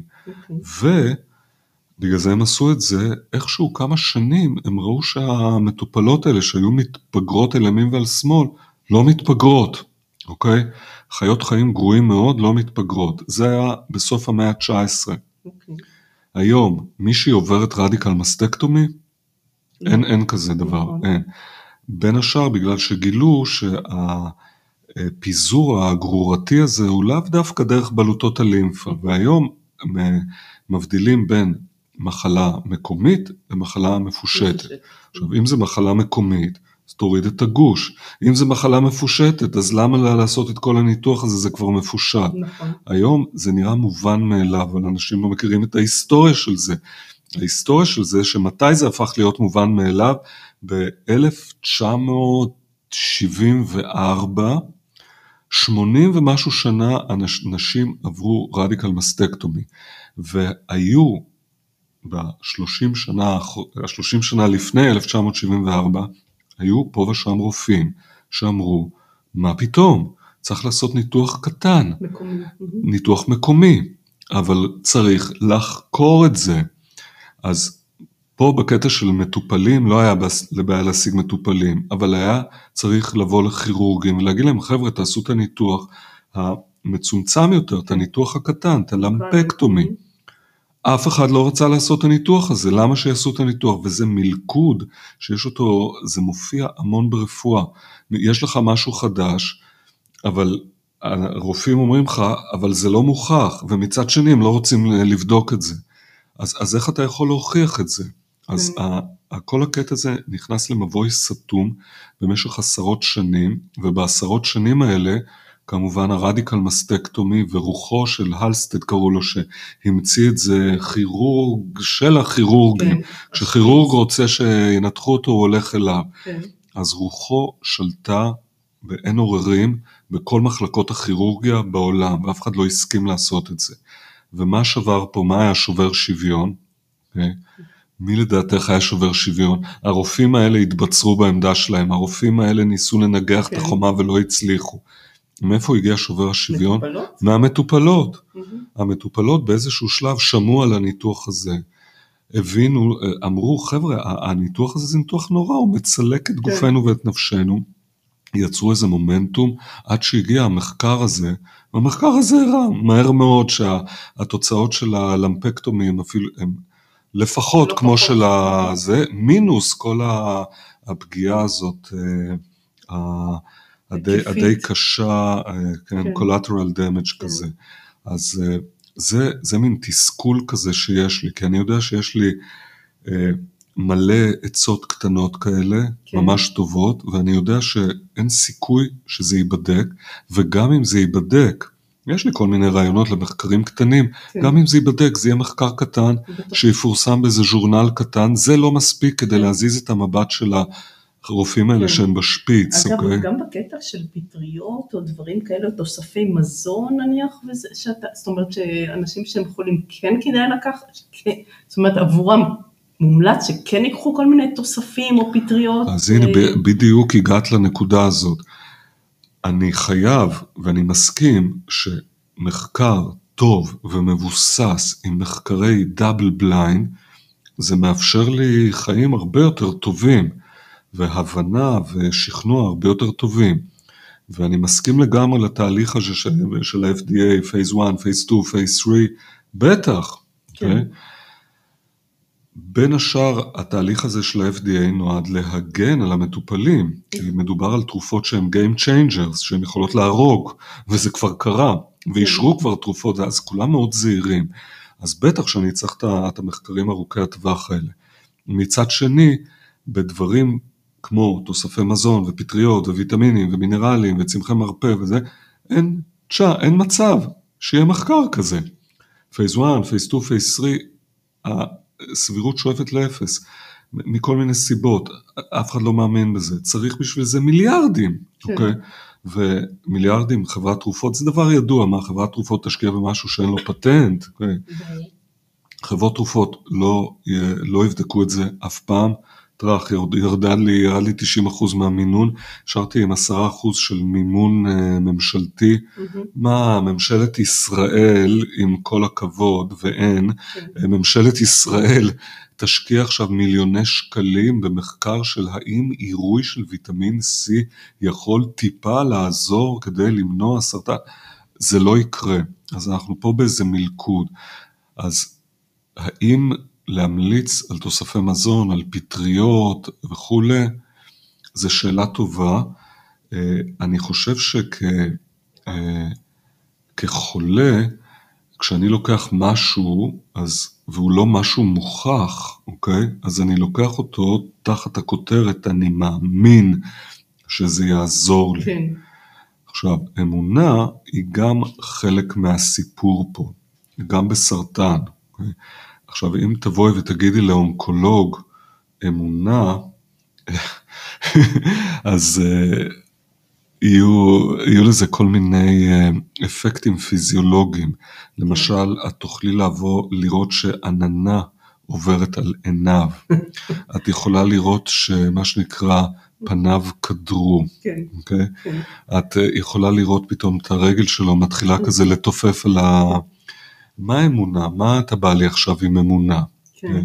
יש לנו מחקרים, תעשה את הטיפול XYZ, אתה, אתה, זה כמו אני בא לכירורג, מה אני צריך להאמין שהוא יוציא לי את הגוש, אני זה, הוא מוציא את הגוש, בין אם אני מאמין או לא מאמין, מתפלל או לא מתפלל. אז אותו דבר, קח את הכימותרפיה, היא תשרוף לך את הגידול, תאמין בזה, לא תאמין בזה. אנחנו יודעים אבל היום שהמציאות היא הרבה הרבה יותר מורכבת. וחלק מהבן אדם זה מנגנון כזה שנקרא אמונה. ובגלל זה מלכתחילה זה עוד פעם המלכוד הזה, כל המחקרים האלה הם double blind placebo control. כן. אני חייב את הפלסבו, כי אם יש לי אמונה שזה יעבוד, זה 30-40 אחוז אפקט. עכשיו, אם זה אפקט כל כך גדול, למה לא לנצל את זה? עכשיו, רופא לא יכול לנצל פלסבו, לא יכול להגיד למטופל, בוא אני אתן לך פלסבו, אבל אתה תאמין בזה ויהיה בסדר. כן. אבל אני, חלק גדול, חלק ממה שאני ממליץ לאנשים, אני בהחלט מודע לזה שרק על הכרטיס שמאמינים שזה יעזור להם. עכשיו, אה, אם יש לנו זמן, אני אספר לך איזה אנקדוטה ממש נחמדה על אמונה, או על כוחה של אמונה. אז בצרפת, דרום מערב צרפת, אוקיי? זה כבר התחלה טובה של כן. כל סיפור, נכון? דרום מערב צרפת. כן. אז אה, יש אה, עיירה שנקראת לורד, ובעיירה הזאת באמצע המאה ה-19 איזה כפרייה בת 14 הלכה לקטוף פטריות כן. באחו, ומשום מקום אה, mother מרי הידועה אה, הופיעה במין חזיון כזה, היא ראתה את האימא מרי, מדי פעם לנוצרים פתאום הם רואים איזה חזיון כזה, אין לזה הסבר מדעי כמובן. והיא המשיכה להופיע כל פעם שהיא הגיעה לאיזה מערה שם, אז הבחורה הזאת אה, התחילה לספר להורים שלה וזה התגלגל לוותיקן, והם שלחו לשם משלחת כדי לאמת את זה, אימתו את זה, ומפה לשם אחרי כמה שנים הבחורה הזאת התבגרה וצמחה להיות אישה והפכה להיות נזירה והכריזו לה כקדושה, הקדושה מלורד, ובמערה הזאת אה, היה מעיין. ומפה לשם זה הפך להיות מוקד עלייה לרגל לנוצרים. ולא סתם מוקד, אוקיי, עולים כזה, זה, כמו שגם בארץ, עולים לקבר של איזה מישהו בענייני בריאות, אוקיי, או בענייני פרנסה, או יש אבל לא כזה... הבנתי, הפטריות האלה היה להם איזשהו אפקט על לא, חייה שם? לא, אה, לא, אוקיי. אנחנו מדברים על המעיין אה, הפעם. מעיין, אוקיי. המעיין. פלוס כן, האמונה הזאת שאני מגיע למקום הזה, אני מתפלל ואני מבקש מהקדושה ומאלוהים שירפאו אותי. כן. ורוב האנשים שהגיעו מן עולים לרגל כאלה, שהגיעו למקום הזה, היו אנשים חולים. עכשיו, כדי, זה לא סתם מחלות, אוקיי? תחשבי, אם יש לך נזלת עכשיו, מה, אתה, תפסיקי את החיים שלך, כרטיס נסיעה ללור, כן, מחלות קשות. אוקיי. והגיעו בדרך לא דרך, אנחנו מדברים פה תחילת המאה ה-19, אבל מהר מאוד היזמים, גם אז היו יזמים, הבינו את הפוטנציאל, בנו שם בתי מלון וכולי, וכנסיות, זה הפך להיות מין אה, פרויקט נדל"ני תיירותי כזה, שמשרת שני מיליון אנשים בשנה, מהמם. אוקיי? מה לא שנקרא זניח. easy money. כן. עכשיו, במקביל התחילו להבין שקורים שם ניסים. אנשים מגיעים לשם והמחלה שלהם עוברת. אז רגע, אמרו, רגע, רגע, רגע, מה, לא יכול להיות. בכל זאת, צרפת לא היה איזה מדינה פנאטית כזאת דתית. אז הם הקימו בעיירה הזאת מרפאה שבודקת טענות של עולי רגל שנרפאו. אני, בשלב הזה אני צריך להגיד לך, נשבע לך שהם הקימו מרפאה כן. כזאת, ולתת לך את ההוכחה, תפתחי בגוגל, תכתבי לורד ותקראי על העיירה הזאת. אוקיי. ועכשיו, אם נסעת ללורד, היה לך, לא לך, היה סרטן, טרשת נפוצה, איזה מחלה חשוכת מרפא, והתפללת שם, קצת נכנסת למעיין, טיק טק אחרי שניים שלושה ימים זה עבר לך, כן, אוקיי? ואת טוענת שזה עבר לך, את מועברת למרפאה הזאת. בודק אותך רופא, לוקח את כל הנתונים, בונה לך תיק רפואי, ומתחיל לעקוב אחרייך. כי יכול להיות שזה עבר לך, אבל אחרי שבוע זה חוזר, אז מה עשינו? כן, אז אחרי uh, כמה שנים, אם המרפאה הזאת משתכנעת שזה אכן השינוי הזה היה אחרי הביקור, ובגלל הביקור הם מעבירים את זה עכשיו לרמה מעליהם, ששם יש רופאים שהם לא חיים שם, רופאים מומחים למחלה הזאת. הרופאים עושים רוויזיה כזאת של התיק, או התיק הרפואי, עוקבים אחרי זה, ובסוף הם מחליטים אם זה באמת, הם לא קוראים לזה נס, הם קוראים לזה ריפוי שאי אפשר להסביר אותו על ידי המדע. אם רוצים להפוך את זה לנס, צריך להגיש את זה לוותיקן עם השתי חותמות האלה של המרפאה הזאת וזה. אז זה כבר, זה לא קל, זה לא פשוט, כן. זה מין אה, מסלול כזה, ובסוף, בבוטום ליין, שורה תחתונה, 72 אנשים, אם אני זוכר נכון את המספר, או 70 או 72, מ-1870 עד 2023, 70 אנשים קיבלו את החותמת הזאת של נס רפואי. וואלה. השמות שלהם והמחלות שלהם זה בוויקיפדיה. וואלה. זה הכוח של אמונה. אמונה יכול להיות Game Changer, אבל לאמונה אנחנו יודעים, זה כמו, אני יכול להגיד, זה כמו כימותרפיה. כשזה במינון הנכון, מציל את החיים. כשזה במינון הלא נכון, זה הורג את הבן אדם ואת כל האנשים סביבו. למשל, כל מה שקורה עכשיו בישראל, זה תחת הכותרת של אמונה. עיוורת. כן. אמונה עיוורת. אז אמונה עיוורת זה מין משאב, תכונה, יכולת כזאת של בני אדם, שיש לו את האפשרות להיות Game Changer, לרפא את הבן אדם, אז זה כוח מאוד מאוד חזק. אני מאוד אוהב את הכוח הזה. למה אמונה זה מבחינתי כוח כזה חזק? כי היא זולה, זה לא עולה כסף, אוקיי? כן. אמונה כזאת, אמונה שאם אני אעשה משהו זה ירפא אותי. אמונות אחרות, את יכולה להפסיד את כל הנכסים שלך, אם את מצטרפת לאיזה כת ואת מאמינה במנהיג כן, הכת, כן. הלך עלייך כי כן. הוא שואב ומוצץ כן. את כל הכסף שלך. אבל אמונות כאלה, אמונות בריאות כאלה, שמכווננות נכון, יש להם כוח אדיר. אוקיי? אז למשל, אותו מבוגר, סתם עולה לי עכשיו, זה מישהו בן 80, אני ממליץ לו על התרגיל הזה של האטת הנשימה, אוקיי? אז הוא מתחיל לנשום לאט יותר, ובזמן התרגיל הזה אני אומר לו כמה פעמים, תגיד לעצמך, אני בריא, אני חזק, כל תא ותא של הגוף שלי שלם, נקי, כל התאים שלי עובדים בהרמוניה אחד עם השני. מה אכפת לך להגיד את זה? כן. ואני אומר לאנשים, מה אכפת לך להגיד כן. תגידי את זה. כן. מקסימום טעית, אוקיי? כן. יש לזה side effects? לא. זה עולה כסף? לא. יש לזה תועלת? נגיד לדמיון מודרך, יש לזה תועלת? יש לזה תועלת, חקרו את זה. המחקרים אבל הם לא מספיק חזקים כדי שהאונקולוג יזיז את הראש שלו לכיוון. מבחינתו בצדק גמור, אבל אלה דברים שפירות שנשרו מהעץ, למה לא לאסוף אותם? כן. Okay, אוקיי, אז זה ככה כמה מילים על החשיבות של אמונה ואיך אפשר להרכיב אמונה גם על פעילות גופנית, למה לא? בהמשך למה שדיברנו, נזכרתי גם בשמש. שמש זה משהו שאתה גם מטיף להרבה וגם ויטמין D מצד כן. אחד, אבל רגע, רגע, יש לי את השאלה לפני, אבל הרבה פעמים לחולים שהם תחת טיפול כימותרפי אומרים, אל תחשפו לשמש.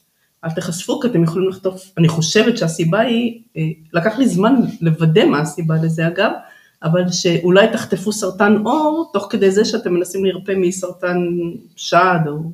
אני חושב שבמקרים של חולים בטיפול כימותרפי פעיל, זה יותר כדי למנוע דברים שנקראים פוטוסנסיטיביטי, אה, או המפגש הזה בין קרן השמש לאור, שבתוך האור יש אה, דריבטים, יש אה, תוצרים כזה של כימותרפיה, mm-hmm. ואז זה יכול לעשות תופעת לוואי, פריחה או כל מיני דברים כאלה, יש את זה לא רק בכימותרפיה, גם נגיד אנטיביוטיקה, שאני נותן למישהו דוקסילין, okay. אז אוקיי. אסור לו להיחשף לשמש. Mm-hmm. וגם בקוסמטיקה, אם את אה, מורחת ויטמין A, נגזרת של ויטמין A, נקרא רטינול, שזה מוצר אה, שיש עליו הרבה מחקר ונותנים אותו ממש במרשם, אבל המון נשים משתמשות בו בצורה קוסמטית, אסור שבין הוויטמין A לשמש הזה תהיה אינטראקציה, בגלל זה תמיד ההמלצה לשים אותו בערב, מהמם, אלא למרוח אותו בערב. אוקיי. אז זה יותר תחת הקטע הזה של למנוע תופעות לוואי עוריות. אה, סרטן עור, אה, כמו, כמו הרבה סרטנים, בייחוד הסרטנים היותר שכיחים, נגיד כמו שד ופרוסטטה, זה תהליך כזה של הרבה שנים. השמש, אויב או ידיד? אוקיי, זה, זה, שאלה, זה שאלה חשובה, וכמו תמיד, התשובה היא לצערנו מורכבת. כן, והתשובה גם אה, ממחישה איזה דרך אה, טבעית של אנשים להסתכל על המציאות. את יכולה להסתכל על המציאות דרך קש, אוקיי? כזה נגיד, אה, אה, את, את מנסה להסתכל מה קורה באיזה בית דרך זה שאת מציצה בחור המנעול.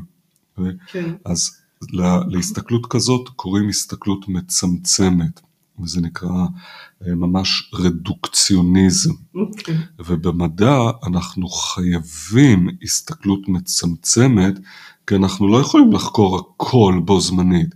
חייבים לקחת, וזה מאוד מאוד מאפיין את המדע, לקחת חתיכה קטנה של הפאזל ולהתמקד בה, או חתיכה קטנה מתוך החתיכה הקטנה של הפאזל ולהתמקד בה. וכשאנחנו מסתכלים בהסתכלות כזאת על מחקרים כאלה, אז אנחנו יכולים לראות שחשיפה ארוכה לשמש יכולה להעלות מלנומה. עכשיו מלנומה זה מה שמעניין אותנו כי זה סרטן העור שהורג. כן, עכשיו, גם על המשפט הזה שהוא נראה ברור לכולם, כמו שאני אגיד לך, סיגריות גורמות לסרטן ריאות, אבל אני אגיד לך, המציאות היא קצת יותר מורכבת, כי הסוג הזה של הטבק, עם הסוג הזה של הפילטר, באנשים כאלה, להפך, זה מונע סרטן ריאות. אז כשאנחנו מדברים על השמש, זה קצת משהו כזה. ויש על זה גם חילוקי דעות. האם באמת זה מעלה את שכיחות המלנומה? הרי איך זה מעלה את שכיחות המלנומה אם רוב המלנומות הן במקומות שלא חשופים לשמש? איך זה יכול להיות? ואיך זה יכול להיות שלאנשים שהם עובדי משרד יש יותר מלנומות מאשר לאנשים שעובדים בשמש? הנושא הזה לא סגור ופתור במאה אחוז, אבל נניח שאור שמש, חשיפה ממושכת לאור שמש, בייחוד בילדות וכולי, מעלה שכיחות של מלנומה. נגיד שזה נכון. זה מעלה שכיחות גם של סרטני עור לא ממאירים, כמו BCC, SCC. ועל בטוח, זה על בטוח במאה אחוז, לא צריך מחקר. כמה שאת נחשפת יותר לאור השמש, אז עור הפנים שלך בייחוד יהיה במצב יותר גרוע ויזדקן יותר. יותר קמטים ועור באיכות יותר ויותר דק וכולי. ופחות אה, עם אה, לחות. אוקיי, אז אנחנו יודעים שזה גורם לסרטנים האלה, זה גורם למה שנקרא photo-aging, להזדקנות של העור. אבל זה הס- הסתכלות דרך אה, החרך של המנעול, חור מנעול.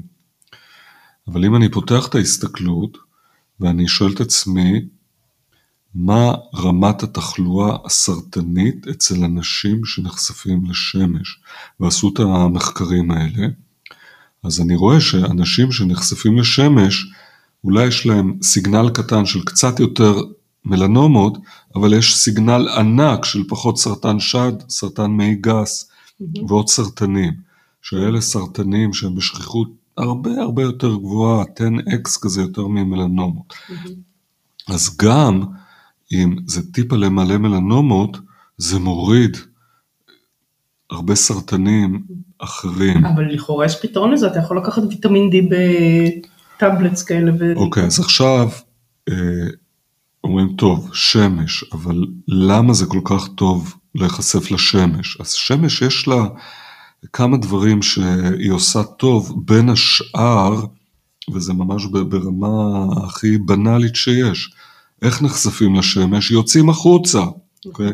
שמש אומר בן אדם שנמצא יותר בחוץ. מה זה אומר בן אדם שנמצא יותר בחוץ? מה זה אומר? על בטוח הוא יותר פעיל. אנשים לא יוצאים החוצה כדי לשבת על כיסא באמצע הפארק. כן, אז הבן אדם הזה. יותר פעיל. הבן אדם הזה אה, רואה למרחקים, לעומת כשאת בבית, הראייה שלך תמיד נתקעת אחרי מטר, שני מטר בקיר נכון. או במסך. את יוצאת החוצה, פתאום השריר של העדשה נעשה רפוי, את מסתכלת לאין סוף, מהמם. נחמד, כן, אוקיי? כן. אה, והבן אדם נחשף למין כוח ראשוני של הטבע. למשל, יש איזה מחקר שאם את עושה פעילות גופנית בחדר כושר, לעומת אותה פעילות גופנית בחוץ, בדיוק אותה פעילות גופנית, כן. השריר שלך יותר יתחזק בחוץ. אוקיי. למה? כי הוא נחשף. לאם השמש, לא, זה, אה, הוא אוקיי. נחשף למקור של הקיום שלנו מלכתחילה. אוקיי. כל האנרגיה על פני כדור הארץ זה אנרגיית שמש. כן, בלי שמש, את יודעת, השמש היא נחבאת, אנחנו אוקיי. לא נדע בערך שבע או שמונה דקות, כי זה הזמן שלוקח לקרן שמש להגיע לכדור הארץ. ברגע שהשמש נחבאת, התחילה הספירה לאחור, אנחנו נמות כולנו. אוקיי. חייבים את השמש. אני אומר לאנשים, אם כבר אתם רוצים להאמין באיזה ישות תאמינו כזאת, בשמש. תאמינו בשמש, יגידו אוקיי? לך, אבל היא מזיקה.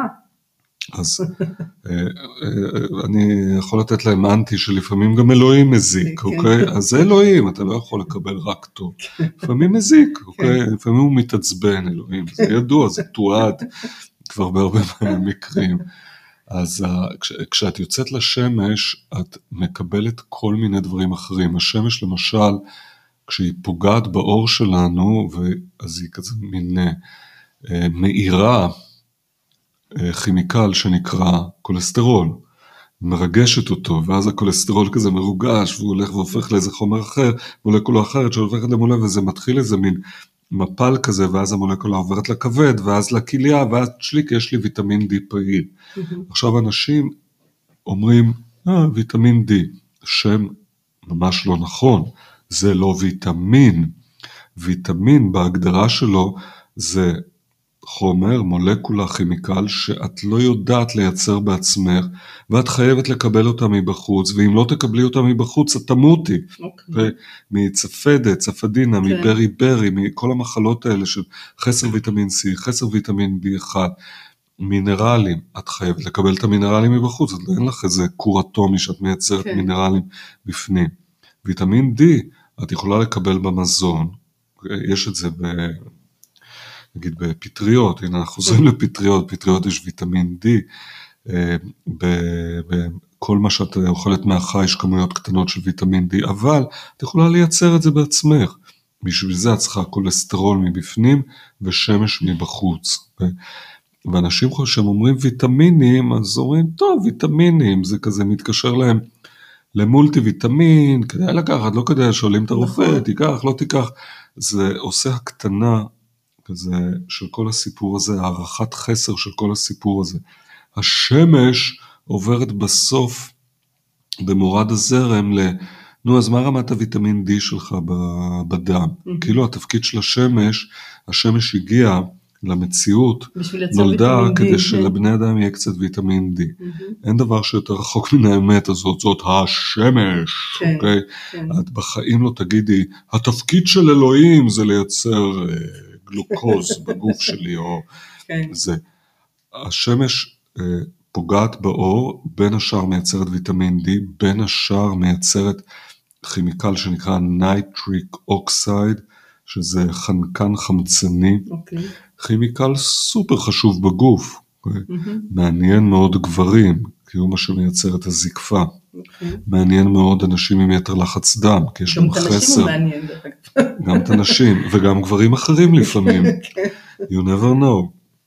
אז לשמש, אה, לתדרים של השמש, אוקיי, את יודעת, יש אינפרדום ואולטרה סגול והקשת, כל האינטראקציה הזאת בין בן אדם לאור, זה משהו שהמדע עדיין עוד לא הגיע אליו. מהמם.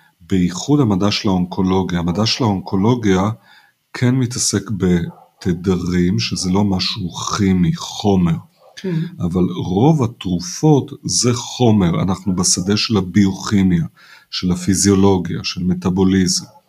אנחנו קצת בשדה של התדרים בטיפול בהקרנה כן. ובאבחון, למשל עם MRI, זה הכל גלים מגנטיים וכולי, אבל זה בהתערבויות חיצוניות, התדרים האלה מיוצרים מבחוץ. יש עדיין, וזה התחום הבא של הביולוגיה, למאזינים שתדעו, התחום הזה של מולקולות והאינטראקציה בין מולקולות, אני לא יודע אם ראית פעם, אפשר לראות את זה, את יכולה להיכנס לגוגל, לכתוב chemical interaction in a cell diagram, ואז מופיעה איזה שיקופית עם שציירו בתוכה את כל התהליכים שאנחנו מכירים מהביוכימים בתא, וזה הכל מרוח כזה עם מאות, כל מיני, החומר הזה הופך לחומר הזה עם האנזים הזה והאנזים הזה. אז את זה חוקרים, אבל זה ימצא את עצמו. זה על גבול של כבר מיצה את עצמו בגלל הופעת האינטליגנציה המלאכותית. היום ב-AI את מכניסה את כל החלבונים, את כל הרצפטורים, את אומרת לו תעשה לי את כל האינטראקציות ביניהם, תוציא לי מה האנטיביוטיקה הכי טובה חדשה. אוקיי. מין Chat GPT כזה של חלבונים, fuck, יש אנטיביוטיקה חדשה. אבל התא וכל הפיזיולוגיה זה לא רק אטומים שזזים כמו כדורי ביליארד באופן אקראי כזה. יש בכל הסיפור הזה תדרים, תא, כל תא פולט אור חלש וקולט אור חלש. כל תא יש לו אה, הסדרים חשמליים וקשרים חשמליים עם התאים שמסביבו, שדבוקים אליו. כן. אנחנו יודעים את זה בתאי עצבים, יש שם חשמל בטירוף. כן. אוקיי? אבל זה לא רק תאי עצבים, תאי עצבים למדו את זה מהתאים הרגילים. כן. יצורים רב תאיים, לא היה להם עצבים פעם, התאים הרגילים יש להם, קוראים לזה tight junctions ו-ion channels כזה, תעלות של איונים וחיבורים חשמליים, יש המון חשמל, המון תדרים, המון אור, המון גלים אלקטרומגנטיים בתוך הגוף שלנו. זה חלק מהפיזיולוגיה שלנו, זה הולך כנראה להיות הדבר הבא. אנחנו במלכוד, כי זה סופר קשה לבדוק את זה בריל טיים, אוקיי? איך את בודקת איזה אור ה-DNA פולט וקולט, אבל עובדים על זה, ויכול להיות שבעתיד, כדי ככה לסגור את המעגל על דיבור על סרטן, בעתיד תהיה מכונה כזאת. את נכנסת למכונה, עובר עלייך איזה מין מכונה קוראת אותך, סורקת אותך, מגלה את הסרטן בשלב מאוד התחלתי, ויורה לתוכך איזה מין תדר מסוים, כזה, את מרגישה לשנייה עקצוץ קטן, כאב קטן, והתדר הזה בצורה סלקטיבית הרג את כל התאים הסרטניים בגוף שלך. כן. את אומרת תודה רבה, תודה רבה, תביא לי את הכרטיס אשראי פה, נתראה עוד שנה. כן. ובצורה הזאת, אנשים פשוט, המחלה הזאת תיכחד מן העולם, אוקיי, סוף סוף. כן. לפני שזה יגיע, אנחנו מצפים לביופסיות הנזליות כן. שיגיעו, אני לא יודע אם דיברת על זה בפודקאסטים, זה משהו שיחליף את הממוגרפיה, הקולונוסקופיה, שנותנות מענה כרפואה מניעתית, סטנדרטית, רק לסרטן השד ורק לסרטן המעי הגס, אבל יש עוד כמה סרטנים. כן. אז ביופסיה נוזלית, לוקח דם למטופל, ודרך הדם אני יכול לראות אם מתחיל משהו וגם איפה מתחיל. ואז אני עובר כבר להדמיה משוכללת, תופס אותו והורג אותו. זאת אומרת, אני רק רוצה לסכם את הנושא הזה, שבגלל שאנחנו לא יודעים, אז כן כדאי להיחשף לשמש, אני חוזרת שוב לשמש כי זה זול. עכשיו, להיחשף לשמש זאת לא המלצה גנרית, כמו תשתו מים. אוקיי. Okay. Okay? זה יוצר המלצה גנרית כזאת של הסבתות שלנו, תלבשו סוודר. אבל לא יודע, אולי, אולי אני לא צריך סוודר. כן. לא כולם צריכים סוודר.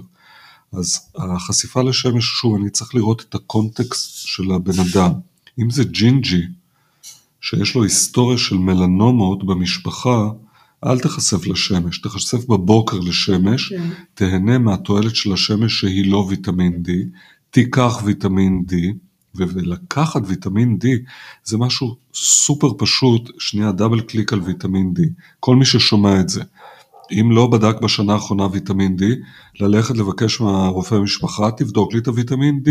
אם הוויטמין D נמוך, אחת, תעשה אחד משני דברים, או תחשף יותר לשמש, ואו תיקח ויטמין D בכמות טובה, דרך הרופא שעשה לך בדיקת דם, כי יש מקרים פה ושם ניואנסים כאלה של אנשים עם אי ספיקת כליות, עם הפרעה באיזה הורמון שנקרא PTH, עם, שנותנים להם ויטמין D בתוסף יותר מדי, זה יכול להיות בעייתי. Mhm. זה מיעוט מבוטל של המקרים, אבל חבל לפספס. כן.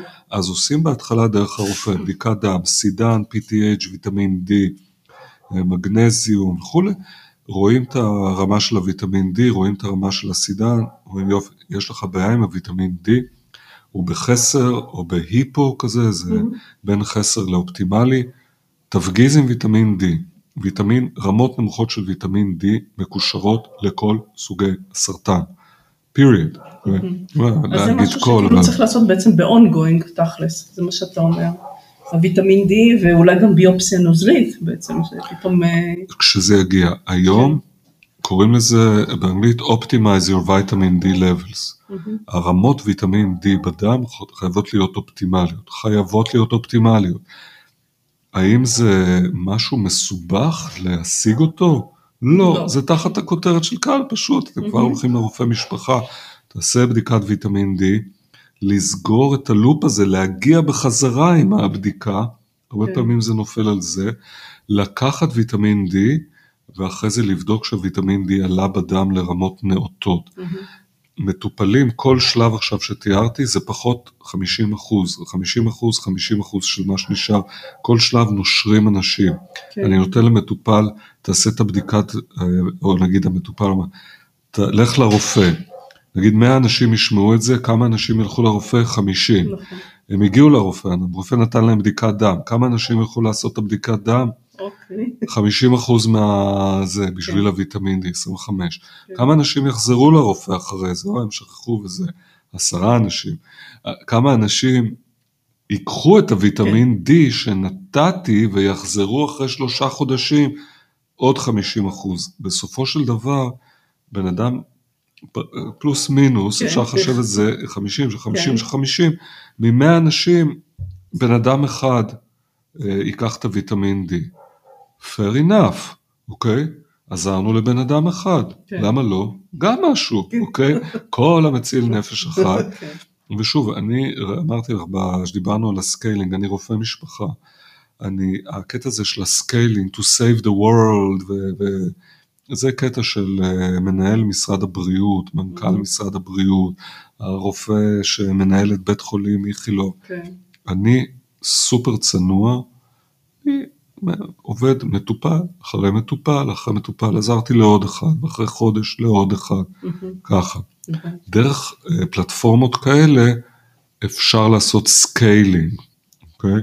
אבל שוב, גם ה scaling הזה, את יודעת, עוד לא חישבנו את כמה מאלה ששמעו את זה בפודקאסט ייזכרו בזה ביום למחרת כדי לקבוע תור לרופא משפחה עוד שבועיים, אוקיי? נכון. אז ה- אם אתם אה, שומעים את הפודקאסט הזה ואתם רוצים אה, לעשות את הבדיקת ויטמין D, קחו מחברת ועט ופלאפון ותכתבו בגדול, תתלשו את הדף הזה, תדביקו אותו על המקרר, תדביקו אותו על המצח של אחד הילדים שלכם, כדי, תכתבו את זה על היד, תעשו את זה. אוקיי, ויטמין D מקושר לא רק לסרטן, הוא מקושר לכל המחלות הכרוניות. גם לסוכרת וגם לדמנציה, אבל גם למחלות אוטואימוניות, והרשימה היא מאוד ארוכה. אתם רוצים רמות ויטמין D מצוינות. טוב, אני חושבת שסקרנו בערך אה, פרומיל של פרומיל של כל הדברים האפשריים, אבל אני רוצה מאוד להודות לך, ואני מאוד מקווה שאנשים ישמעו את הפודקאסט הזה, לא רק חולים, כי זאת אומרת, אני חושבת שהרבה מהפרקים, חוץ מהפרק הספציפי על אונקולוגיה, הוא נוגע לכולנו. זאת אומרת, הוא כן, נוגע לאנשים כן. שהם לא רק חולים, אלא... כן, אז אה, תודה לך על הזמן. תודה גם לך על זה שאירחת אותי בפודקאסט המצוין שלך. ונאחל בריאות שלמה לכולם. אמן. אתם ואתן האזנתם לפודקאסט המלווה או המלווה בהגשת רונית שוורץ שמאי. מכירים מלווה או מלווה שהפודקאסט יכול לעזור להם? שתפו אותם. למידע נוסף ייכנסו לאתר thecaregiver.info ולחצו follow לקבלת התראה בכל פעם שעולה פרק חדש. נתראה בפרק הבא.